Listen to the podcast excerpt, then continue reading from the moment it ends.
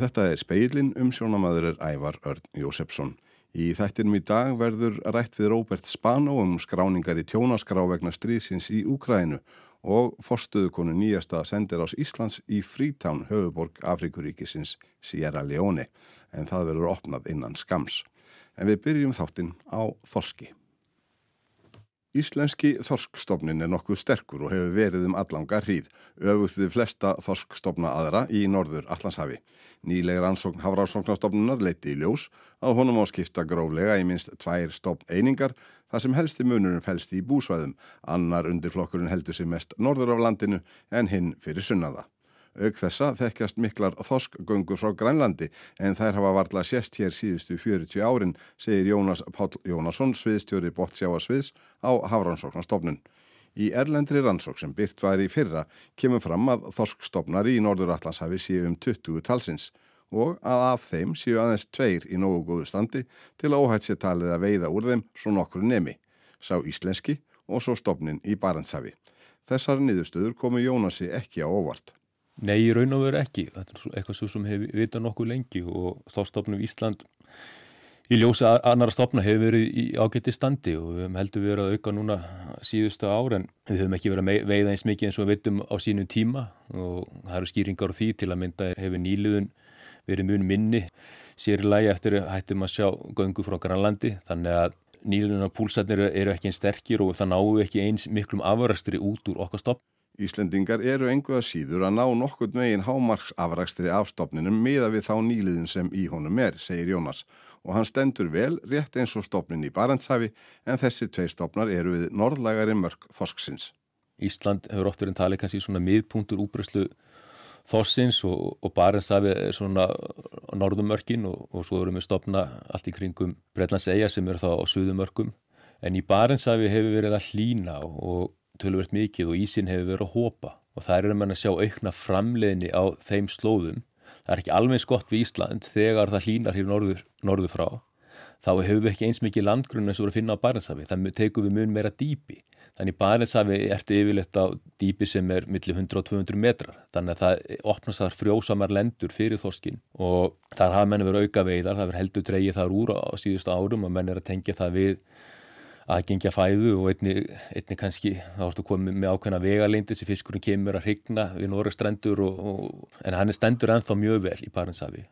En allir aðri þorstofnar, ég var, var nú að skoða bara tölur og, og það sem við veiðum á Íslandi, þessi 220.000 tónn núna, það er meirinn helmingi meira heldur en úr öllum öðrum stofnum samtals fyrir utan Barentshafið og það þurfum ekki að fara nefna svona 20 ára á Íslandi þá vorum við að veiða cirkabát kannski Já, það sama og var veitt úr öðrum þórstofnum. Þannig að þetta við minga tölvöld mikið, það hefur dreyjist saman veiði og, og stafstarðir mjög víða og ef við förum, förum í þessa skýslu sem kom út hérna 2023 eða grein, þá erum menn að skoða sérilagi siðstu stoppgerðina eða stopnana við þá í Írskahafi og, og, og Celtic Sea þarna og Suðulhytta Norðsjávar og þar hefur náttúrulega hlínað og þar eru við komin ákveðin þröskuld. Og þar er orðið núna eiginlega bara orðið of hlýtt fyrir þorskinn. Að komið hátt í 10 gráðu harna botniti við hrigningu og menn telja 9,6 gráðu sé kannski eitthvað svona ákveðið viðmið. Þannig að það er spáð bara á næstu, næstu ára tögum að hlýni enn meira. Þannig að vísindamenn þar þrátt fyrir að þú myndir ná að byggja þóstofnin og minga veiðar, þú myndir ekki ná aftur, þú þarf bara að gera ráð fyrir að þar koma nýja tegundir og það verður eðlisbreyting á tegundarsamsendingu á þessum svæðum. Og menn tala um á 2060 að, að þar veri kannski lítil, lítil rými fyrir þorsk í öllu, öllu norðusjó og þá ertu komið kannski þorskin upp í Skagerak á Norakstrandum að það veri kannski síðstu mörg þorstofsins eins og menn spá, spá þar en það eru líka eimsa breytingar fyrir utan hittastíið að menn er að sjá breytingar í, í mikilvægum fæðum tegundum, rauðáttu tegundum sem við erum að sjá breytingar úr, úr kannski norrlægari rauðáttu tegundum yfir í suðlægari sem hefur þó áhrif á, á, á hvernig nýluðun, hvernig henni vegnar, henni vegnar mun verð þegar þessi hefbunda rauðáttu sem finnst við Ísland, þegar hún hverfur og þú fara aðra rauðáttu tegundir, þannig að þetta hefur áhrif á framherslu getur stoppsins líka kannski óbeinanhátt en, en einnig beinan en þetta náttúrulega, þessi breyting á samsetningu fæðunar, má ekki reykja hana líka til þessara hlínunar? Jú líka, það kemur það beint inn í að þess, þessar rauðvöldategundir eru að hópa þannig að það eru breytingar eigast í stað þar. Og svo hefur náttúrulega verið hefur bara verið veitt við miður og mikið úr þessum stofnum. Og við erum að sjá líka að, að, að sumastofna það er búið að keira stopnið það mikið nýður að það fara að hamla allverulega nýluðun og oft er erfitt að sjá kannski beint samband milli hrigningastops og nýluðunar en þú ert búin að keira hrigningarstopnin bara nógur langt nýður að þá fer það að sjá oft mjög hamlandi áhrif á, á nýluðun og það sést í þó nokkur um þessara stopna.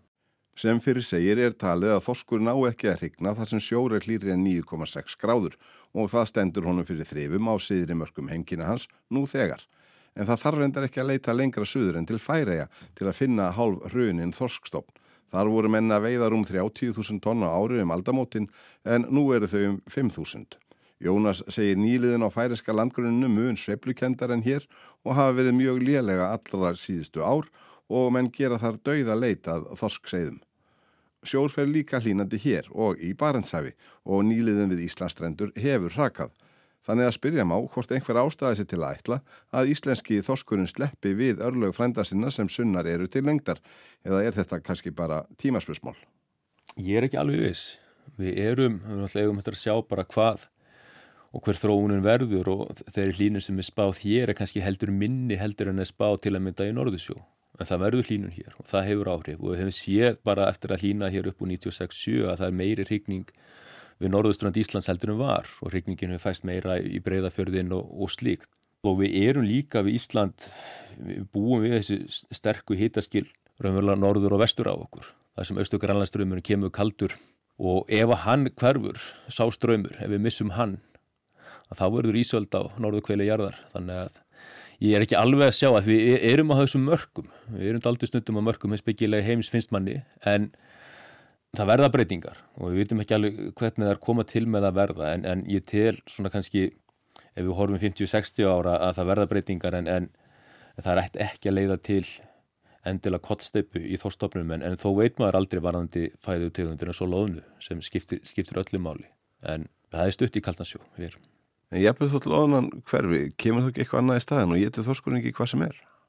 Þórskurinn gerir það og við finnum í maga þors finnum við rosalega marga tegundir en, en kannski enga sem er eins fyturík og, og, hérna, og skiptir eins miklu máli eins og lónuna og við erum að sjá núna nýjasta kannski uppsjá að tegundum sem sjá í Íslandir er bristlingur sem er svona síldarfiskur sem, sem er, finnum hérna á grunnsæfi núna við, við vestuströndina þannig kannski ekki miklu magni en, en og makrillin kom náttúrulega og það er náttúrulega stór stopn og sem dreifð úr sér og nú hefur kannski útbreyðsla hans aftur aðeins dreigið saman við Ísland en auðvitað kemur alltaf eitthvað annað í staðin og það sjá menn í, í Norðursjó, ansjósa kemur og ymsar aðra fyrstegundir en hvort það verði eins frjósamar og skiptist miklu máli eins og Þorskurinn gerði það er ós, ósagt látið. En, en þó beð þess að geta þegar menn veiða Þorskinn svona niður eins og gerði Norðursjó og þá koma aðra tegundur og núna er mikilvægast að nýttja tegundin í, í Norðursjó og kringum Brellasegar er, er, er leturhumar Hauðmæri sem er horfin hér við Íslandstendur og við höfum alltaf veitt.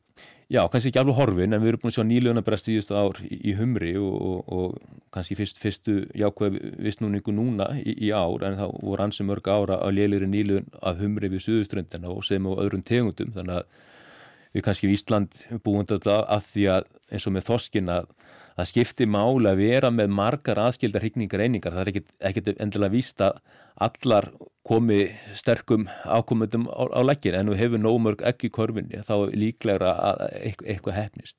Sæði Jónas Pál Jónasson.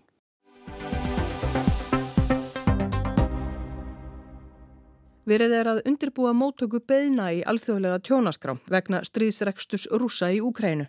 Robert Spanólagmaður og fyrirvændi fórseti mannrettindadómstóls Evrópu var í desember kjörinn formaður stjórnar tjónaskránunar sem að 44 leðtór Evrópuráðsins ákváðu fundi í Reykjavík í mægi fyrra að stopna þeirði til. Robert býst við miljónum skráninga í tjónaskrána og segir að verið sé að vinna í atriðum eins og skráningaræðublöðum og upplýsingum um sönunagögn sem þurfa að liggja fyrir með að við mismunandi flokka tjónsbeðina. Það þurfi að vinna mikið í upplýsingakerfum til að skráningin geti gengið vel fyrir sig. Þetta er sögulegt verkefni. Það hafa verið verkefni af þessu tægi sem hafa verið miklu smarri mynd en þetta sem við erum að vinna við. Það sem að tjónaskráin og fremst ætlaði að stafna tjónsbeginum en ekki að úrskurða um gildið þeirra.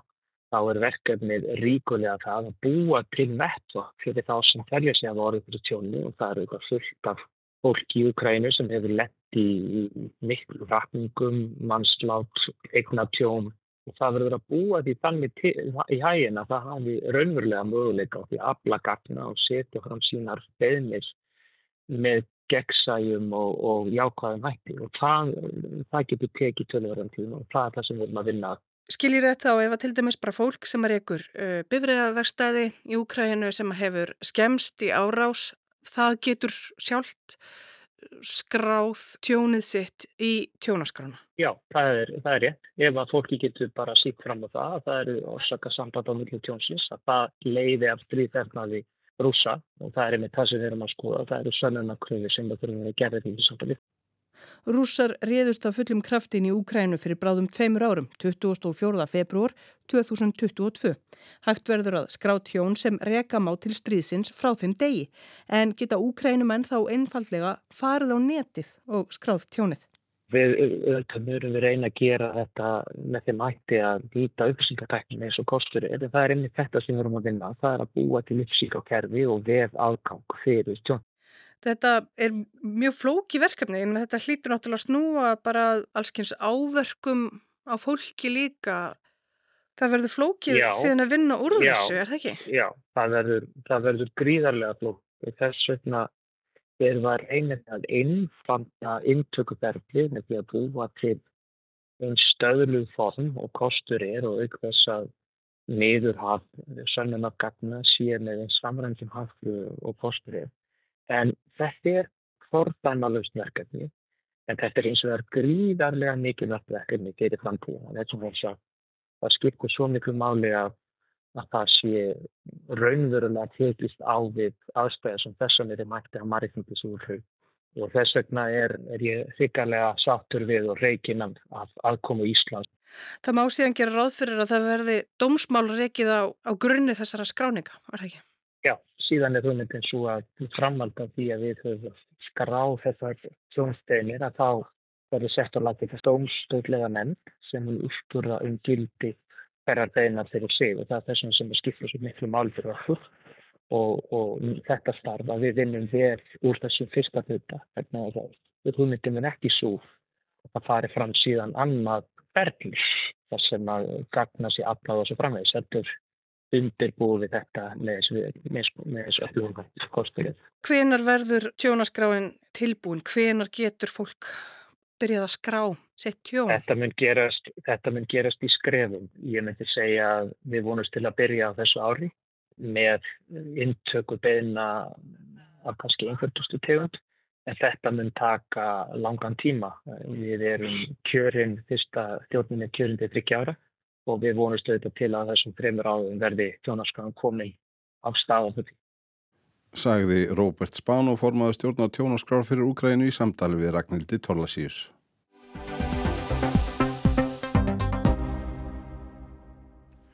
Stutt er í formlega opnu nýjasta sendir ás Íslands í Freetown, höfuborg Afrikuríkisins Sierra Leone. Forstuðu konar sendir ásins segir mörg spennandi verkefni fyrir höndum á komandi misserum. Sierra Leone er eitt fátakasta ríki heims. Það telur rúmlega 8 miljónir íbúa en þar hefur verið talsverð pólitísk ólka um langa hríð. Borgarastyrjöld lauk fyrir rúmum 20 árum en síðastörður óstur í frítán senkt á síðasta ári. Íslendingar hafa verið þar við störfum nokkra hríð þar sem Ímis félagsamtök hafa unnið að þróunarverkefnum. Nú drefur til tíðinda þegar Ísland hefur sett á stopn sendiráð í landinu. Að sögn Ástísar Bjarnadóttur, forstuðu konu sendiráðsins, hefur tvíhliða þróunarsamstarf Íslands og Sierra Leone staðið frá árinu 2018. Undibúningur fyrir stopnun sendiráðsins hefur staðið frá árinu 2020 en tafðist vegna COVID heimsfaraldursins. Svo komum við núna út hinga tveir útsendir stafsmenn frá utaríkisráðanetinu í september uh, í fyrra og til að vinna að opnun sendirásins og einnig til að fylgja á eftir þeim verkefnum sem Ísland er að steyðja í landinu. Fyrsta samstarfsverkefni Íslands og Sierra Leone snerist um að bæta lífskeiði í fiskveiði samfélugum. Síðan fór Ísland að vinna með UNICEF að því að bæta hreinlæti og aðgengiða hreinu vatni í fiskithorpum. Nú er staðan þannig að Ástís og Kjartan Alli Óskarsson, samstarfsmaður hennar, vinna hörðum höndum að því að koma starfsemi sendiráðsins á skrið. Þau eru í tímabundnu húsnæði eins og er með einn innlendan starfsmann sér til aðstóðar en Ástís gerir ráð fyrir því að þau veri komið fast húsnæði fyrir vorið. Með tímanum er gert ráð fyrir að bæta við starfsfólki í sendiráðinu en það í mörg hortna líta. Já, það er að, að sinna áfram okkar uh, þróunu saman hér og í rauninni uh, dyrka samstarfi við stjórnvöld. Um, Sera Ljóni er eitt fátakasta land í heimi en, en hér eru samt fjölmörg tækifæri og, og Ísland í rauninni sér uh, fyrir sér að geta lagt sitt á mörgum um, á áherslu við sviður sem passa þá bæði við þróunar áallanir sér að ljóni, til dæmis á sviði jafnbrettis og, og loftlagsmála og sömu leiðis við um, áherslur Íslands í, í alþjóðleiri þróunarsamvinnu. Ástís segir mikla þörf hafa verið á að opna sendiráð í Sierra Leone til að styðja við verkefni Íslendinga þar í landi og sjá til þess að ofinberum fjármunum sé sem best varið. Árangurinn sé áþreifanlegur. Sérþekking Íslands komið að góðum nótum meðal annars í fiskveiðum en þær eru sífælt að verða mikilvægri hluti af atvinnulífi Sierra Leone. En, en við erum sérstaklega uh, að vinna með UNICEF uh, núna í nýju verkefni sem byggir á, á þessu fyrra samstarfi og þetta nýju verkefni tekur til 16 þorpa og þetta er svona heildræn nálgun í rauninni snýstum að bæta aðgengi að vatni fyrir almenning og einnig í skólum og heilsugesslum, eh, byggja hreinlætis aðstöðu, eh, bæta tíðarheilbriði stúlna í skólum með vikinni fræðslu Þá er það einnig unnið að því að bæta mentun og umönnun ungra batna í sjávarbyggðum sem og að vinna að útrýmingu fæðingafistils, heilsufars vandamáls sem þekkist ekki að Vesturlundum en leggst aðalega á ungar stúlkur og konur eftir barspurð. Þetta er metnaðafullt verkefni og við erum mjög spennt að sjá hvernig til text. Eh, það eru ekki margir aðrir að vinna á þessu sviði en Ísland og það er í rauninni sjáum við líka það, það eru svo mörg tækifæri hér í landinu fyrir okkur sem svona tilturlega lítinn um, samstarfsaðalega til að koma inn bæði með þá fjármagnin líka með sérþekkingu um, uh, sem við getum lagt til. Loksma geta þess að Ísland er að undibúa átaki í næringamálum barna með því að bjóða upp á heitar máltíðir í skólum. Það er þart áttak en það búa um 80% heimila í Sierra Leone við skjert fæðuöryggi. Ástís flutti út með fjölskyldu sinni, eigin manni og ungum sinni, en þrátt verið gjör ólíkar aðstæður millir hveragerðis og frítán er hverstarslífið í kunnulegum skorðum, skuttli skólan, vinnan og hinn síkilda spurningum hvað skuli hafa í kvöldmatinn. Fólkið er afskaplega opið og, og hlýtt. Um, okkur hefur verið tekið ákala vel, bæði af, af stjórnvöldum um, og öðrum, öðrum aðlum, sendiráðum og, og, og innlendu fólki hérna sem við höfum verið í samskipti við. Um, þannig að, að á margan hátt svona fyrir utan að það er auðvitað uh, hlýra hér, allt annað losla en á Íslandi þá, þá kannski er, er daglegt líf svona rútinan fyrir, fyrir fjölskyldufólk er, er daldið svipuð. Segir Ástís og bæti við að þetta æfintýri þeirra í Sierra Leone sé ákaflega góð og ánægulega reynsla. Þorgils Jónsson sæði frá. Fleira er ekki í speklinum í dag. Tæknimaður var Mark Eldredd. Það má hlusta á þáttinn í spilaranum okkar á rúf.is og öllum helstu hlaðvarps veitum. Veriði sæl.